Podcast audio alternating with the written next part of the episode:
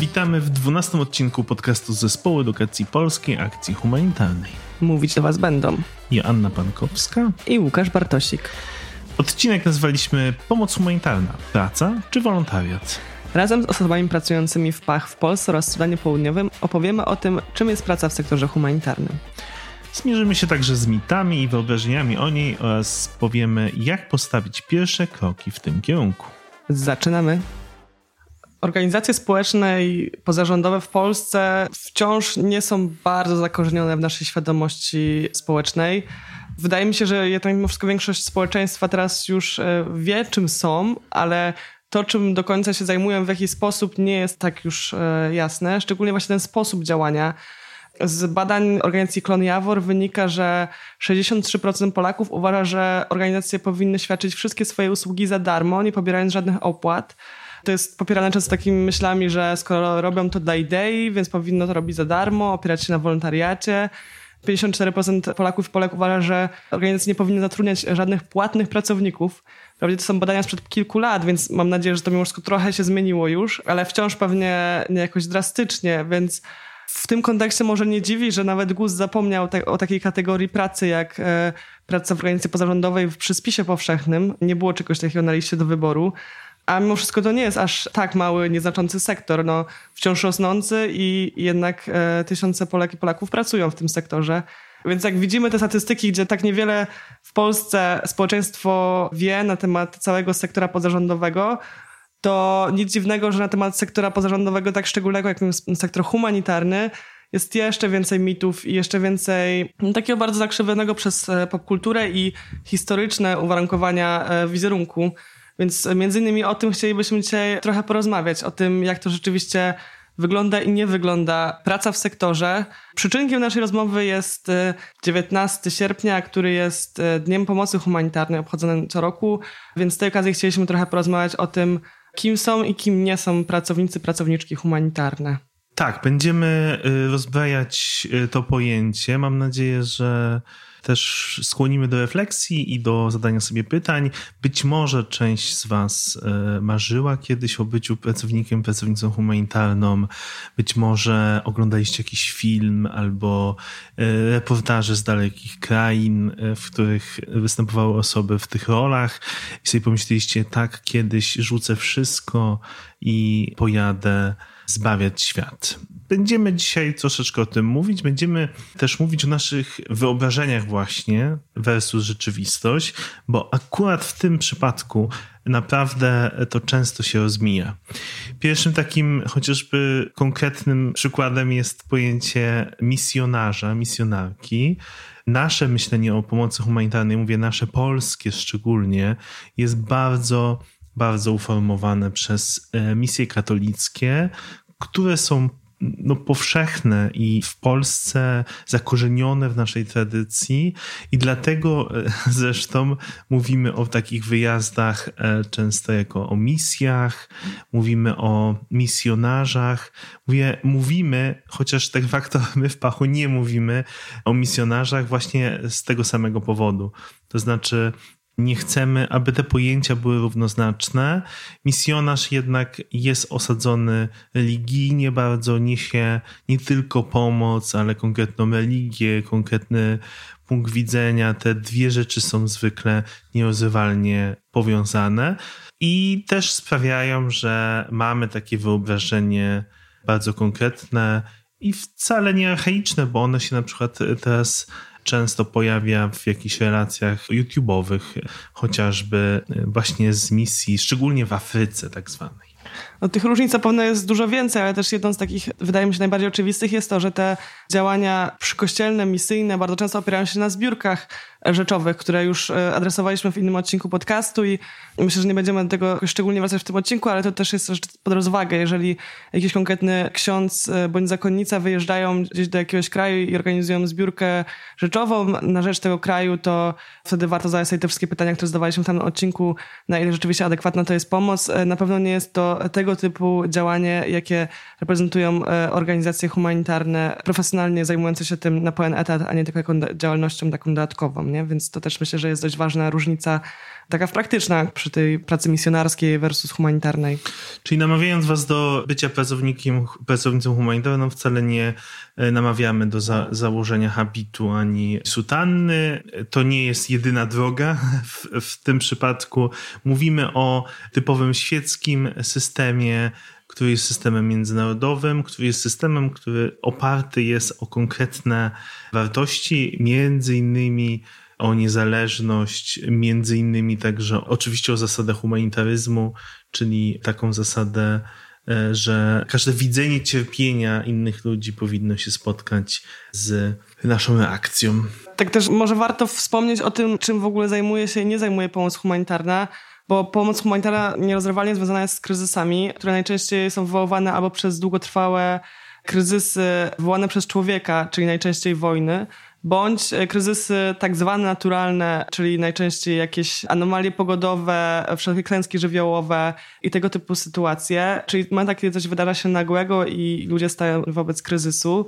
Historycznie początki pomocy humanitarnej związane są rzeczywiście z tymi sytuacjami wojennymi, gdzie początkowo była to pomoc e, żołnierzom na polach bitwy, ale co właśnie było szczególne w tej pomocy, to że to nie, nie było jakby wsparcie dla swojej strony, tylko początki to jest taka historia właśnie e, pomocy udzielanej obu stronom, czyli niezależnie od strony konfliktu chcemy, żeby po prostu ratować życie.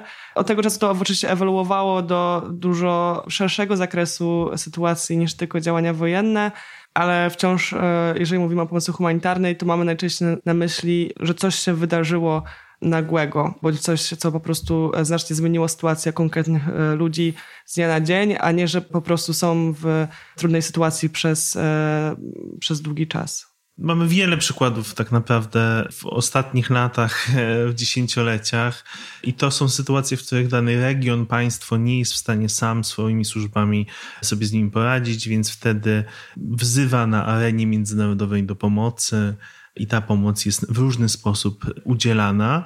Jak pewnie wiecie, nie wszystkie konflikty, nie wszystkie kryzysy humanitarne w równym stopniu skupiają naszą uwagę i w równym stopniu jest odpowiedź na tą pomoc, ale to też jest koordynowane międzynarodowo, więc to, że na przykład w danym regionie my, Polacy, na przykład, czy my, Pach, nie pomagamy, nie oznacza, że nikt tam nie pomaga, bo jest wiele setki w zasadzie chyba, jeżeli na pewno dziesiątki organizacji e, humanitarnych na, e, na świecie, które niosą pomoc. Obiecywaliśmy, że powiemy, jak zacząć karierę w polskiej akcji humanitarnej albo w ogóle w sektorze, no ale oczywiście zachęcamy do tego, że jeżeli chcecie pracować w sektorze, to, to czemu nie w pach. Więc może przejdziemy już do tego tematu, pytając osoby wewnątrz pachu o to właśnie, jak rozpocząć taką pracę, jak w ogóle się do niej przygotować i kto właściwie e, jest potrzebny w pachu, nie tylko w pachu do pracy. Dorota Serafin, dyrektor zarządzająca, Polska Akcja Humanitarna. Być może nie jest zbyt łatwo z dotarciem do informacji, co właściwie należy zrobić, aby podjąć pracę w sektorze humanitarnym, ze względu na to, że nie jest to najbardziej popularny kierunek kariery zawodowej. Dobra wiadomość dla osób, które o tym myślą, jednak jest taka, że jest wiele dróg, które mogą nas do tego doprowadzić. Można skończyć studia magisterskie z zakresu pomocy humanitarnej, można uzupełnić wcześniej skończone studia o studia podyplomowe z tego zakresu. Najczęściej pracownicy humanitarni to jednak absolwenci innych kierunków zarządzania, stosunków międzynarodowych, zarządzania operacyjnego, logistyki, finansów, zdrowia publicznego, psychologii. Szczególnie ważnym elementem CV przyszłego pracownika humanitarnego jest udokumentowane doświadczenie. Aby je zdobyć, polecam szczególnie formę wolontariatu. Wolontariat można realizować w elastycznym czasie, dogodnym dla danej osoby. Pozwoli on na zdobycie doświadczeń, które później mogą pomóc w uzyskaniu upragnionej pracy w sektorze humanitarnym. Czyli jednak zaczynamy od wolontariatu, ale żeby nie było niedomówień, nie myślimy tutaj szczególnie o takim wolontariacie pomocowym, że bierzemy, rzucamy wszystko, jedziemy na trzy miesiące czy trzy tygodnie ratować Azję albo pomagać w sierocińcu. Raczej mówimy tutaj o doświadczeniach wolontariackich innego typu, takich, które pozwolą nam właśnie wzmocnić te kompetencje potrzebne w pracy w organizacji pozarządowej. To oczywiście są kompetencje międzykulturowe, czyli tu takie doświadczenie międzynarodowe, język jest potrzebne, natomiast najczęściej jest to takie doświadczenie koordynacyjne, czyli umiemy coś zrobić, zorganizować, skoordynować, współpracować z innymi, tego typu rzeczy i myślę, że sporo takich opcji wolontariackich jest też właśnie w Polsce. Tak, bo myślę, że też poza samymi kompetencjami to też jest to jakiś taki logiczny profil kandydata, kandydatki pod tytułem jeżeli chcę w cudzysłowie rzucić wszystko i zacząć pomagać, czyli pracować w takim sektorze, no to logicznym byłoby, że też mam w przeszłości jakieś doświadczenie, które wskazywałoby na to, że rzeczywiście mam taką postawę i że rzeczywiście robię tego typu rzeczy, czyli na przykład, nie wiem, wolontariat, pomagając dzieciom uchodźczym bądź migranckim e, w lekcjach, bądź na przykład może organizowanie jakichś e, zbiórek lokalnych na pomoc e, osobom w kryzysie bezdomności. Wszelkie tego typu działania, które wskazywałoby, że rzeczywiście moja postawa życiowa to nie jest tylko coś, co się obudziłam pewnego dnia i stwierdziłam, nie lubię swojej pracy w korporacji, więc pójdę robić coś dobrego, bo to zmieni mi życie, tylko że rzeczywiście jest to jakaś głębsza, przemyślona potrzeba, i kontynuacja tego, co robiło się wcześniej. Stąd ten wolontariat wypowiedzi, który myślę, że może też po prostu bardziej potwierdzać profil psychologiczny, a niekoniecznie chodzi o to, że on musi być bardzo jeden do jednego doświadczeniem tego zawodu, bo tego raczej nie doświadczymy lokalnie. No myślę, że trzeba pamiętać o tym, że taka praca to spora odpowiedzialność, spora presja, e, więc też to, z czym się czasem zmagamy podczas rekrutacji, to, że, że, że te decyzje są jednak wśród niektórych osób spontaniczne, emocjonalne i super, że ludzie reagują na pewną niesprawiedliwość, która jest na świecie, natomiast e, no, do tego typu pracy e, potrzebujemy troszeczkę większego dystansu i dużego profesjonalizmu. Tak, i też oczywiście to zależy bardzo od stanowisk, o tym jeszcze będziemy mówić więcej w odcinku. Na różnych e, stanowiskach potrzeba bardzo różnego doświadczenia, ale myślę, że cechą wspólną pracy w sektorze pozarządowym, w tym również w humanitarnym, ale nie tylko, e, jest to, że potrzebna jest pewna wszechstronność umiejętności, to znaczy Często w dużych firmach, dużych organizacjach, gdy się pracuje, to stanowiska są bardzo wąsko wyspecjalizowane. W organizacjach pozarządowych często jest tak, że tych stanowisk jest mniej, przez co e, z samej natury osoby muszą mieć szerszy wachlarz kompetencji i potrafić skakiwać w bardzo różne zadania, bardzo często wykraczające poza taki bardzo wąski opisany w ogłoszeniu o rekrutacji, bardzo być, dostosowywać się do sytuacji. I to jest coś, co też pomaga, jeżeli ma się doświadczenie w innym sektorze organizacji pozarządowych, bo to też w pewien sposób pokazuje charakter pracy właśnie takiej bardzo no flexi. No właśnie, ale to nie jest tak, że my nikogo tutaj nie mamy. Zwykle e, jest sporo kandydatów i kandydatek e, do pracy w Pach na różne bardzo stanowiska. I korzystając właśnie z tego tematu i, i okazji zapytaliśmy też Doroty o to, e, jakie osoby najczęściej się pojawiają na takich rozmowach kwalifikacyjnych i czy są jakieś ich wspólne części, wspólne cechy. Osoby przychodzące na rozmowy kwalifikacyjne do pracy w Polskiej Akcji Humanitarnej są bardzo różne. W tej różnorodności zresztą upatruję siły organizacji i źródła naszej kreatywności. Gdybym jednak miała wskazać jakiś wspólny mianownik, coś, co odróżnia te osoby od osób pracujących w innych sektorach, wskazałabym na empatię, wrażliwość, uważność na drugiego człowieka, wysokie kompetencje międzykulturowe i chęć pomagania. Osoby na rozmowach kwalifikacyjnych bardzo często mówią, że szukają pracy z sensem przez duże S. Ten sens dla nich to możliwość dołożenia swojej cegiełki do tego, by zmienić choć kawałek tego świata na lepsze.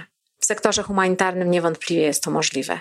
Tak jak wspomniała Dorota, to często przyciąga ludzi do pracy w sektorze humanitarnym. To potrzeba pracy, która nadaje sens, nadaje sens życiu, ale też w ogóle sens tego, co robimy.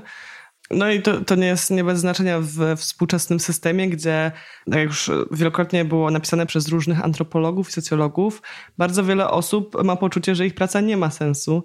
Jest na przykład taka bardzo znana książka Praca bez sensu, którą wam serdecznie polecam. Wprawdzie ona jest nie w kontekście polskim, bo w książce są na przykład badania z Wielkiej Brytanii, gdzie aż 37% osób w badaniu w 2015 roku uznało, że ich praca nie wnosi społeczeństwu niczego istotnego. Później te badania też zostały powtórzone w Holandii, gdzie te wyniki e, zostały jeszcze podbite do 40%. Ale myślę, że w Polsce takie badanie przyniosło podobne rezultaty, że jednak bardzo wiele osób ma takie poczucie, że to, co robi na co dzień, niekoniecznie robi coś dobrego, ale też niekoniecznie w ogóle cokolwiek wnosi do społeczeństwa. Że w tych tekstach, artykułach i książkach często jest wspomniane właśnie to, że takie poczucie, że gdybyśmy zniknęli, to nawet właściwie nic by się nie zmieniło. Mam poczucie, że często to jest takim motorem napędowym, co, co sprowadza ludzi do pracy na przykład w sektorze humanitarnym, czyli potrzeba tego, żeby jednak mieć poczucie, że, ta, że to nie jest takie bez sensu, że ta praca nie jest tak zwaną bullshit job. No ja myślę, że tutaj jest też niebezpieczeństwo takie przejścia na drugą stronę i tutaj mamy to zjawisko takiego białego zbawcy w sektorze humanitarnym chociażby, o którym wspominaliśmy już w którymś z odcinków. Misyjność tak, ale z drugiej strony to poczucie, że jestem po to, że na mnie jest tutaj obowiązek jakby zbawienia świata w jakiś sposób, jest też dużym niebezpieczeństwem w tej pracy, więc trzeba na to tak myślę, że krytycznym okiem patrzeć, przyglądając się swojej motywacji. Tak, to też jest wyzwanie w ogóle sektora pozarządowego, gdzie pracy towarzyszy jakieś takie poczucie misyjności, wtedy rozdzielenie tego, gdzie się kończy praca, a gdzie się zaczyna nasze e, życie poza pracą i tego właśnie, żeby trochę bardziej rozdzielać też no, po prostu profesjonalne zadania od tego, kim jesteśmy jako ludzie i tego, w jaki sposób kreujemy siebie w społeczeństwie ale to jest temat pewnie na zupełnie inną dyskusję i dużo szerszą rozmowę w ogóle o pracy i o współczesnym kapitalizmie. Dobrze, zejdźmy na ziemię, e, bo tutaj zapędy filozoficzne są u Joanny znane, więc e, trzeba tutaj sprowadzić naszą dyskusję do konkretów, a takim konkretem jest historia, którą chcielibyśmy wam przedstawić. To jest historia naszej koleżanki z organizacji, która opowie o swojej drodze i myślę, że to jest bardzo inspirujący przykład, jak taka droga do pracy na misji czy na placówce organizacji humanitarnej może wyglądać. Nazywam się Magdalena Kuśka, pracuję w Polskiej Akcji Humanitarnej na stanowisku koordynatorki do spraw wdrażania i jakości programów e, na naszej misji w Sudanie Południowym. Moja ścieżka zawodowa była dosyć kręta. Przed tym, jak zostałam pracowniczką humanitarną, pracowałam w biznesie, w HR-ze. Zaczęłam rozglądać się za czymś, co byłoby może bardziej zgodne z moimi wartościami. I tak zaczęłam się rozglądać za pracą w NGO-sach, w sektorze pozarządowym. W Polskiej Akcji Humanitarnej było ogłoszenie o naborze na stanowisko specjalisty, specjalistki do spraw HR, więc jako, że było to zgodne z moim dotychczasowym doświadczeniem, zaaplikowałam i w ten sposób dostałam się do pachu. Natomiast dalsza moja ścieżka w pachu z HR-u przeprowadziła mnie do działu programowego, najpierw wspierając właśnie południowo-sudańską misję z Warszawy, a teraz już y, w sumie dosyć niedawno wyjechałam na misję i tutaj pracuję w Sudanie Południowym. W tej pracy potrzebne są bardzo różne umiejętności i kompetencje w zależności od tego, co się robi. Sama humanitarka cechuje się tym, że no są te organizacje, które prowadzą działalność humanitarną, mają rozbudowane struktury pokrywające wiele różnych działów, dlatego że też no, ta praca jest y, również znaczy skomplikowana, tak samo jak każdy inny biznes, czasami może nawet bardziej.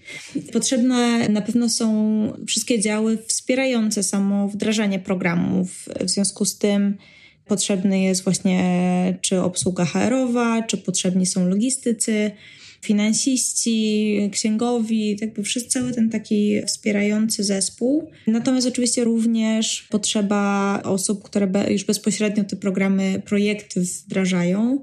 I tutaj w zależności od tego, w jakim obszarze specjalizuje się dana organizacja albo dany projekt, to albo to są inżynierowie wodno-sanitarni, albo to są osoby, które specjalizują się w rolnictwie, albo w analizie rynku, analizie danych. Różnego rodzaju kompetencje potrzebne są w tej pracy, w zależności od tego, co się robi.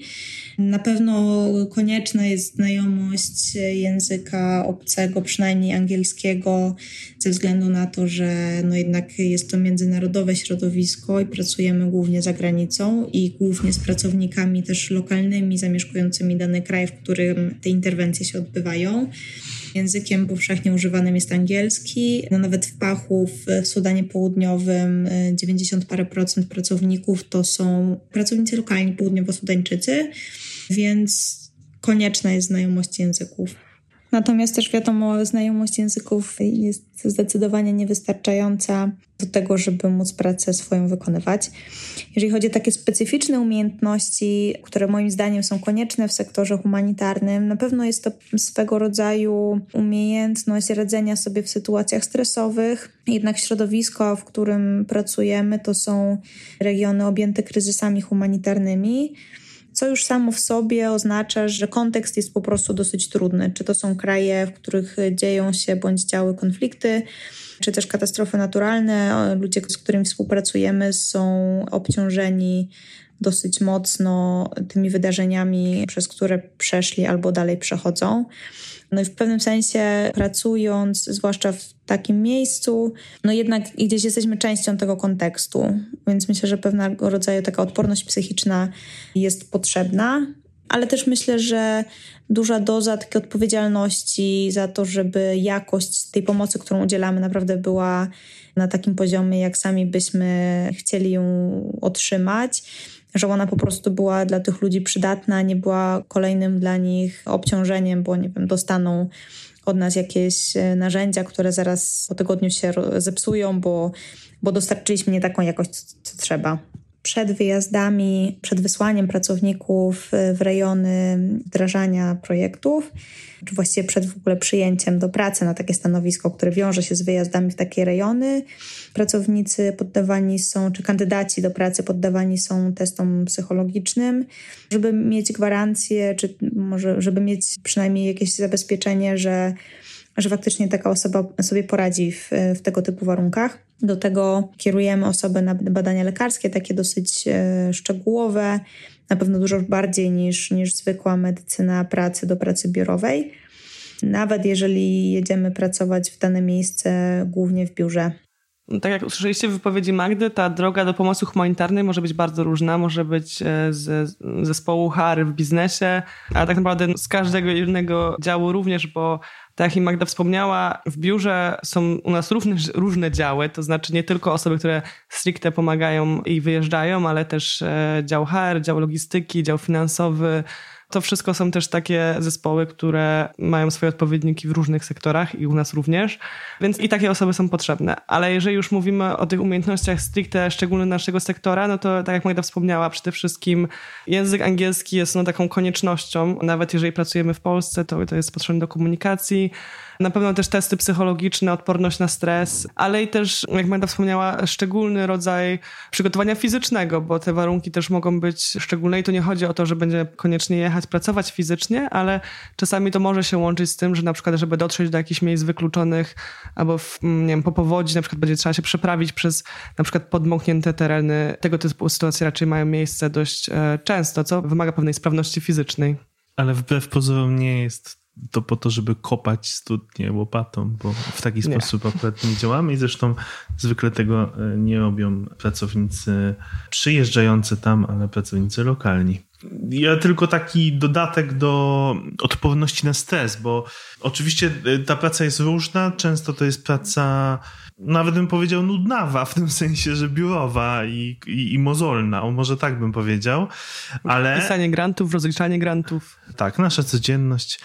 Oczywiście organizowanie też pomocy, natomiast tak globalnie czasem bywa to też praca niebezpieczna. E, nie chcę może stwarzać tutaj takiego wrażenia, że to, to jest praca niczym jakiś Indiana Jones albo coś w tym stylu, ale fakty są takie, że, że pracownicy humanitarni są także atakowani. Są też przypadki śmierci.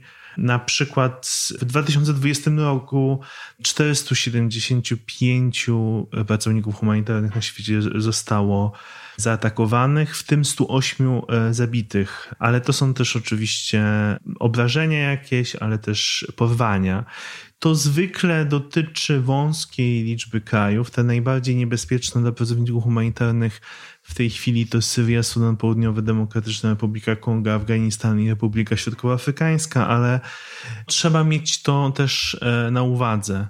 Oczywiście tych pracowników humanitarnych jest myślę, że setki tysięcy e, na całym świecie, ale są to sytuacje, które mogą się potencjalnie wydarzyć, więc w tym przygotowaniu, może to nie wybrzmiało w tych poprzednich wypowiedziach, niezwykle ważne są wszelkie szkolenia z zakresu bezpieczeństwa, procedury bezpieczeństwa, wszystko to, co ma zapewnić e, pracownikom pełnię zdrowia fizycznego i psychicznego, tak bym powiedział. Wspomniałeś o tej liczbie pracowników, pracowniczek e, humanitarnych, to ja tutaj się może wbiję ze statystyką, która pewnie nie oddaje całości sektora, bo to są tylko statystyki z ogłoszeń o pracy, które znajdują się na jednej konkretnej stronie Relief Web.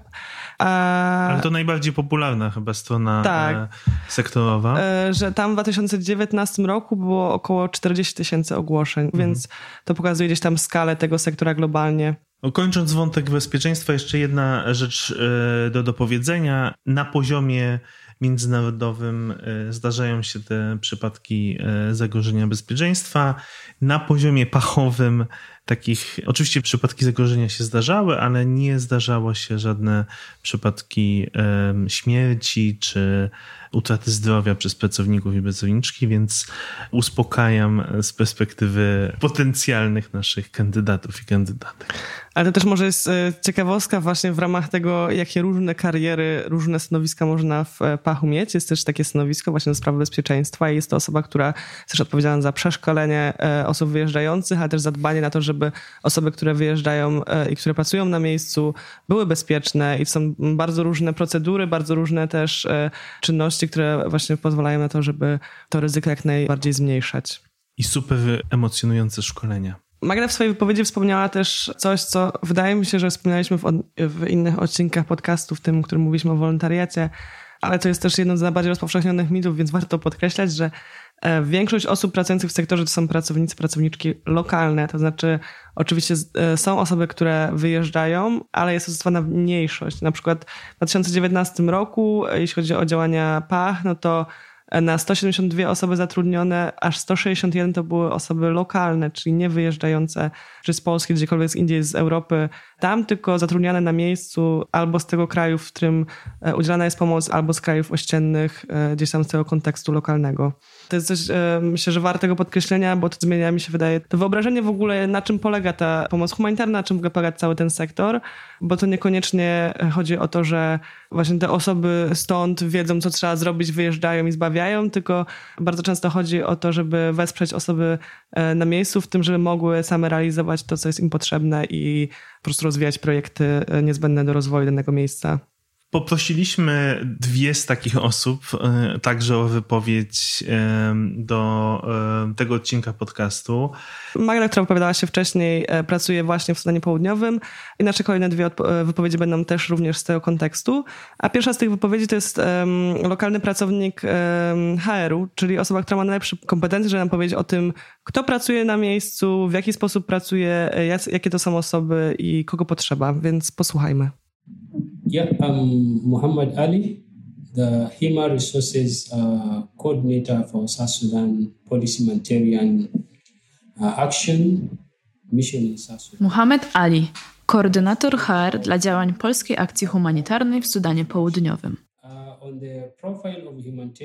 Jeśli chodzi o profil stanowisk, które mamy tutaj w Sudanie Południowym, mamy dużą różnorodność zawodów, zaczynając od osób medycznych, dietetyków, higienistów, edukatorów, ekspertów od komunikacji. Health workers, we have uh, uh, people with different professions like health workers, nutrition, uh, hygiene and sanitation, education professionals, and people to do with the communication professionals and the different sectors and units. Osoby te często zmieniają pracę pomiędzy organizacjami. Są tu różne organizacje z różną skalą działania w kontekście Sudanu Południowego. Program in, since the initial beginning of PH in South Sudan Tak jak w PACH realizujemy programy z sektora wodno-sanitarnego od samego początku. Realizujemy projekt edukacji higienicznej. Mamy też projekt z zakresu bezpieczeństwa żywnościowego. Is that we major in wash activities that Wymagania są różne, zależnie od dziedziny. W kwestiach wodno-sanitarnych są to głównie osoby techniczne z wiedzą inżynieryjną. W sektorze żywnościowym są to osoby z wiedzą rolniczą. Uh, uh, not only requires the South Sudanese przy zatrudnieniu przechodzimy też przez prawne formalności związane z regulacjami rządu, który wymaga, aby 80% pracowników było narodowości Sudanu Południowego, a 20% to międzynarodowy zespół. I dlatego Pach, idąc za tymi regulacjami, zatrudnia 20%, a właściwie mniej niż 20% naszych pracowników jest międzynarodowa. W tym liczą się zarówno osoby z Polski, jak i inne narodowości, takie jak z sąsiednich krajów Uganda, Kenia czy innych krajów afrykańskich. Wcześniej mieliśmy też inne narodowości, na przykład Ukrainę. I to w skrócie jest, jak wygląda przekrój zawodów i narodowości w działalności PACH w Sudanie Południowym. in country working with policy material action and other different countries. And that's how vast uh, the profession in the humanitarian sector works in South Sudan.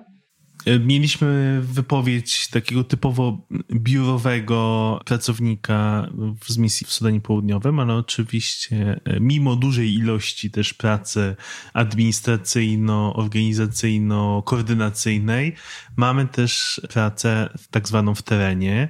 Być może to jest najbliższe tym wyobrażeniom, które macie, jak sobie myślicie o pracownikach humanitarnych, że to są takie osoby, które gdzieś jeżdżą, przeczesują jakieś bagna i docierają do trudno dostępnych miejsc.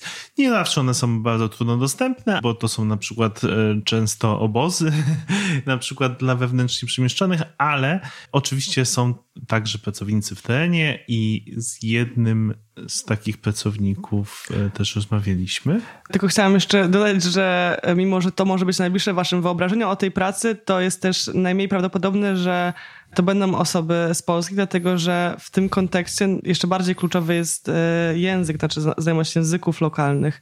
Co... Nie tylko języków, ale też kontekstu całego, no tak? tak? Jakby w tym sensie, że znajomość w ogóle tego, jak się poruszać, biegłość właśnie w komunikacji, ale też znajomość jakichś takich powiedzmy w cudzysłowie, zwyczajów, takich nieformalnych rzeczy, które trudno wyuczyć się będąc z zewnątrz. Więc słuchamy, jak to jest e, w terenie, na czym de facto taka praca może e, polegać, na przykładzie bardzo konkretnego projektu. Buddy Zacchaeus Johnson, working for PAH South Sudan Mission as hygiene and sanitation officer. Buddy Zacchaeus Pracuję dla PACH w Sudanie Południowym jako pracownik do spraw higieny i sanitariatów. Aktualnie prowadzę siedmioosobowy zespół.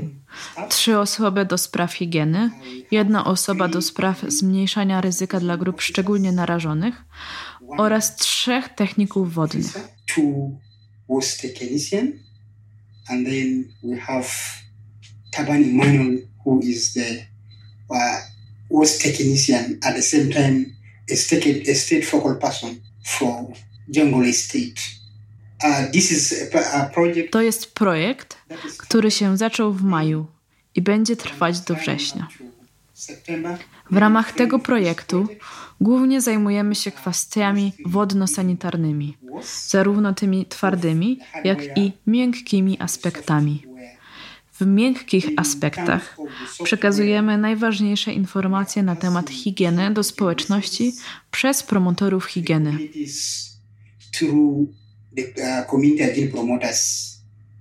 And these community hygiene promoters were selected.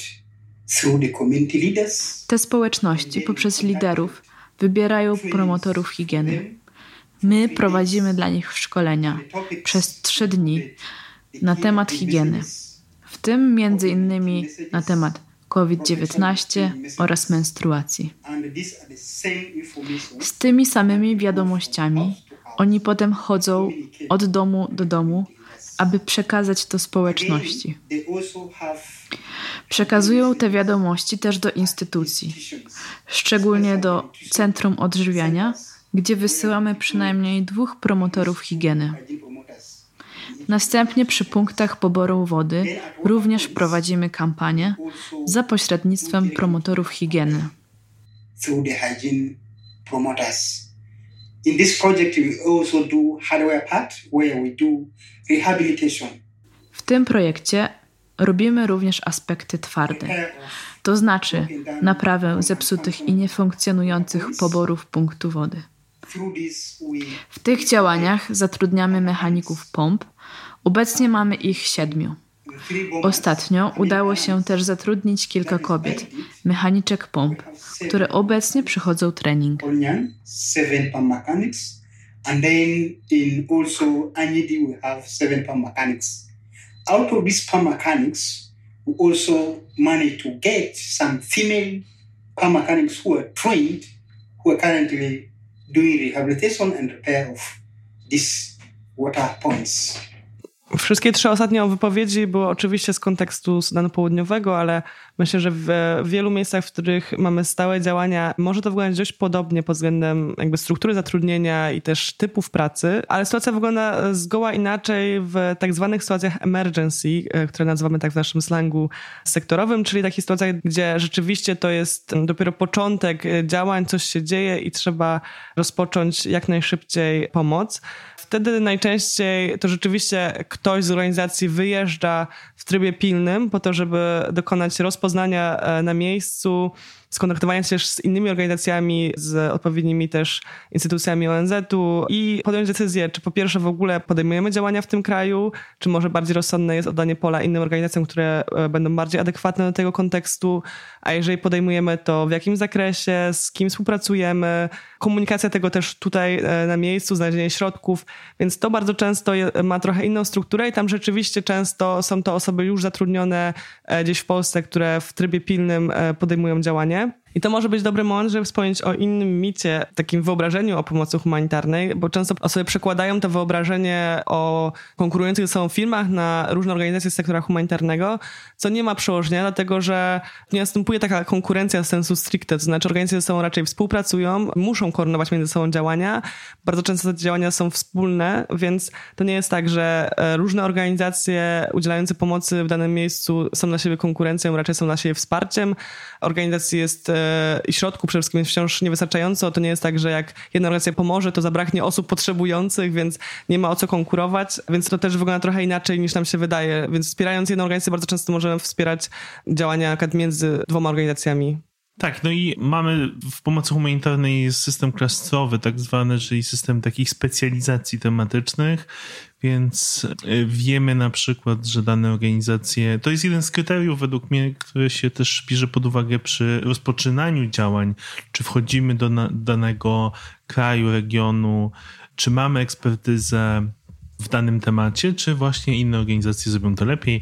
Czasem są to organizacje lokalne, na przykład, którym się przekazuje fundusze, ale na pewno trzeba to dobre rozeznanie terenu, które najczęściej się odbywa tak bezpośrednio, ale czasem też pośrednio, jest kluczem później do udzielenia dobrej pomocy y, humanitarnej i, no i działania najbardziej efektywnego, bo jak teraz opowiedziałeś, tych potrzeb jest zwykle więcej niż y, pomocy, więc dużo jest takich etycznych, okołoetycznych wyborów wokół tego. Powiedzieliśmy, że raczej lokalnymi mechanikami w Sudanie Południowym nie zostaniecie, ale jednak jest trochę tych etatów, które są dostępne dla Was potencjalnie, jeżeli oczywiście wykonacie odpowiednie kroki w tym kierunku. To może przerwa na zagadkę będzie teraz. Jaką? E, kto to jest desk? To taki wewnętrzny, skrótowe określenie rodzaju pracownika w pachu. Ja mam odpowiedź na zagadkę? Tak, odpowiedz, bo wiem, że wiesz. Pomoc humanitarna każdy zespół ma swój specyficzny slang. E, jak jest korpomowa, tak jest e, humanitarna mowa. Desk to jest tak zwana osoba, która jest odpowiedzialna za dany region, kraj, daną lokalizację, pracująca tu po, w Polsce, w polskim biurze w, e, w Warszawie. Mamy desków, deskinie z każdego miejsca, w którym działamy. I nie jest to od deski, tylko od desk officer. Czyli, czyli osoba od, biurowa. E, tak, tutaj na miejscu, która pomaga tak, no wiele jest oczywiście takich rzeczy na linii między misją a centralną i to jest ten łącznik, łączniczka i myślę, że to jest też często takie wejście do pracy w sektorze humanitarnym. Wiele znam takich historii, że ktoś właśnie zaczynał pracę w pachu na tym stanowisku, a później e, ta ścieżka kariery szła na przykład e, w stronę jakiejś konkretnej misji itp. Więc e, potencjalnie to jest jedna ze ścieżek, a teraz jeszcze podpowiedź, jak tą ścieżkę zacząć.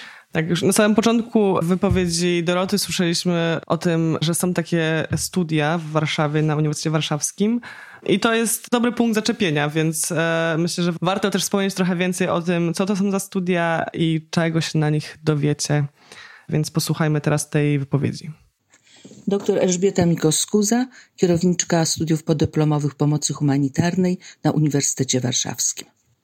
Studia podyplomowe pomocy humanitarnej są organizowane wspólnie przez Uniwersytet Warszawski i Polską Akcję Humanitarną już od ośmiu lat. Są one przeznaczone dla wszystkich.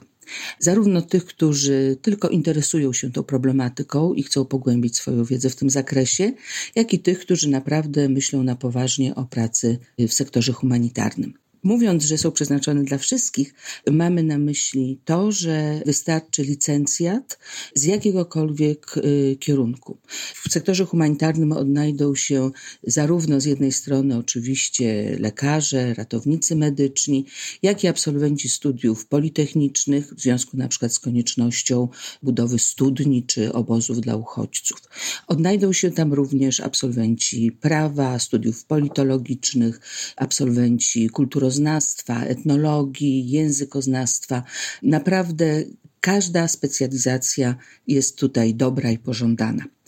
Studia trwają rok, zaczynają się w październiku, kończą się w czerwcu. Mamy 13 zjazdów sobotnio-niedzielnych, przy czym za pierwszy semestr odpowiada Uniwersytet Warszawski, czyli Wydziały Geografii Studiów Regionalnych, Nauk Politycznych i Studiów Międzynarodowych oraz Prawa i Administracji. I w pierwszym semestrze zajmujemy się takim akademickim wprowadzeniem do problematyki, no właśnie, studiów humanitarnych. Zajmujemy się klasyfikacją różnego rodzaju sytuacji, które wymagają pomocy humanitarnej. Zajmujemy się aktorami, podmiotami, które świadczą pomoc humanitarną, aspektami prawnymi, geopolitycznymi świadczenia tej pomocy, czyli na przykład specyfiką konfliktów zbrojnych w różnych regionach świata, istotą praw człowieka i ich ochrony, kwestią ochrony cywilów w konfliktach zbrojnych. To jest problematyka pierwszego semestru. Natomiast problematyka drugiego semestru jest bardziej praktyczna. Za ten semestr odpowiada właśnie przede wszystkim Polska Akcja Humanitarna i mamy tam dwa duże moduły. Moduł związany z, z nauczaniem pisania projektów, czyli tak zwane Project Cycle Management, gdzie słuchacze od samego początku do samego końca pracują nad projektami z zakresu pomocy humanitarnej. Mamy również duży moduł klastrowy, czyli poświęcony takim różnym, szczegółowym dziedzinom świadczenia pomocy humanitarnej. Mamy również tak zwane inne aspekty pomocy humanitarnej, czyli y, na przykład y, przyglądamy się kwestii mediów, a pomocy humanitarnej, aspektom antropologicznym świadczenia pomocy humanitarnej, różnym kwestiom związanym z zarządzaniem pomocą humanitarną. Jest jeszcze jeden argument za rozpoczęciem studiów z pomocy humanitarnej. Jeżeli zdecydujecie się na nie, to podczas jednego ze zjazdów będziemy mieć zajęcia z Łukaszem, naszym ulubionym podcasterem na temat edukacji globalnej. Myślę, że niekoniecznie to jest argument do podjęcia tych studiów, ale zapraszam. Między innymi w programie jest e, przedmiot, który się nazywa Edukacja Globalna, więc, więc byśmy spotkali się, mam nadzieję, że na żywo. Rekrutacja jest otwarta pewnie jak tego, jeżeli słuchacie to zaraz po wypuszczeniu odcinka, ale też rekrutacja jest otwierana co roku, więc zachęcamy do śledzenia strony Uniwersytetu Warszawskiego i uczenia się. To, co tutaj jest, o czym mówiliśmy, to studia podyplomowe, ale też jest y, dalszy stopień wtajemniczenia. Są tak zwane studia NOHA, międzynarodowe studia humanitarne. To już dla tych, którzy naprawdę chcą wejść y, w ten sektor, ale to jest opowieść może na inny moment. Na pewno to, co może chcielibyśmy tutaj powiedzieć, to fakt, że można myśleć także o pracy w sektorze humanitarnym jako pracy i być może ktoś z Was po tym odcinku właśnie tak będzie myślał, a nie tylko jako hobby, wolontariacie dodatkowym czy jakiejś ciekawostce.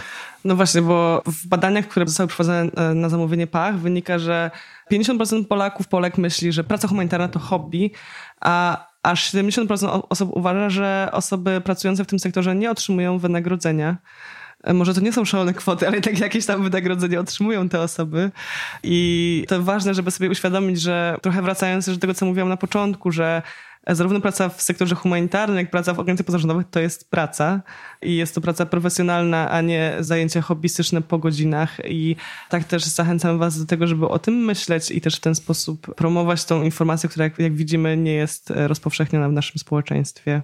Można też, jeżeli nie zachęciła Was e, stricte praca w pomocy humanitarnej, pomyśleć oczywiście o pracy w sektorze edukacyjnym w Pachu.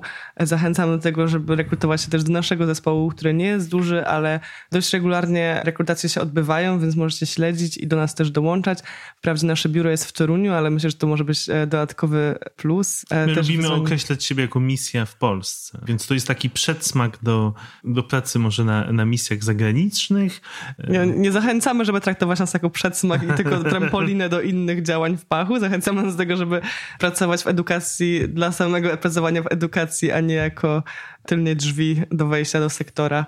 Ale to oczywiście też się zdarza. Zdarzają się osoby, które właśnie przychodzą do edukacji, a później odkrywają swoje powołanie do tego, żeby pracować w sektorze humanitarnym.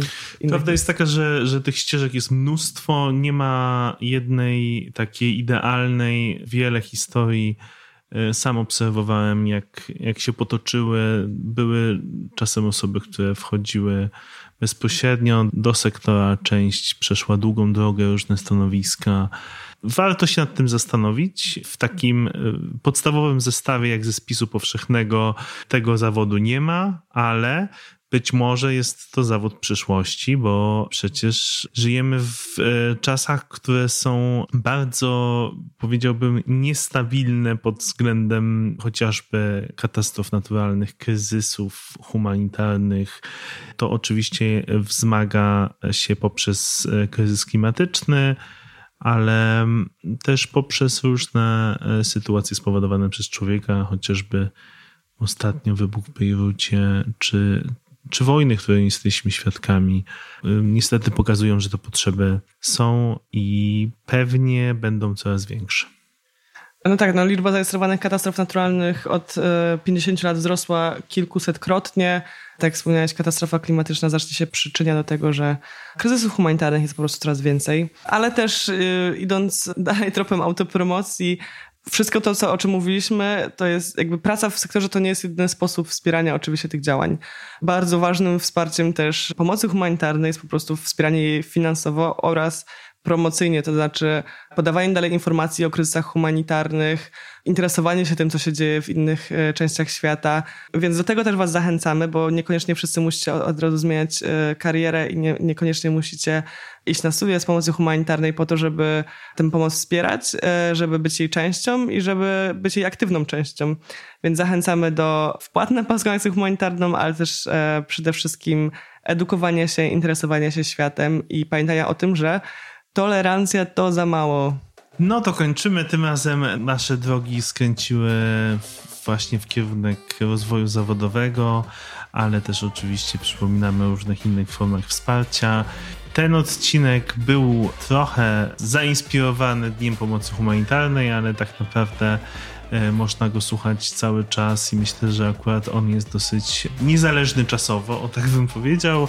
Zapraszamy Was do kolejnych refleksji nad tym, kim chcielibyście zostać w przyszłości i czy czasami nie jest to pracownik e, humanitarny, pracownica humanitarna. Do usłyszenia. Do usłyszenia.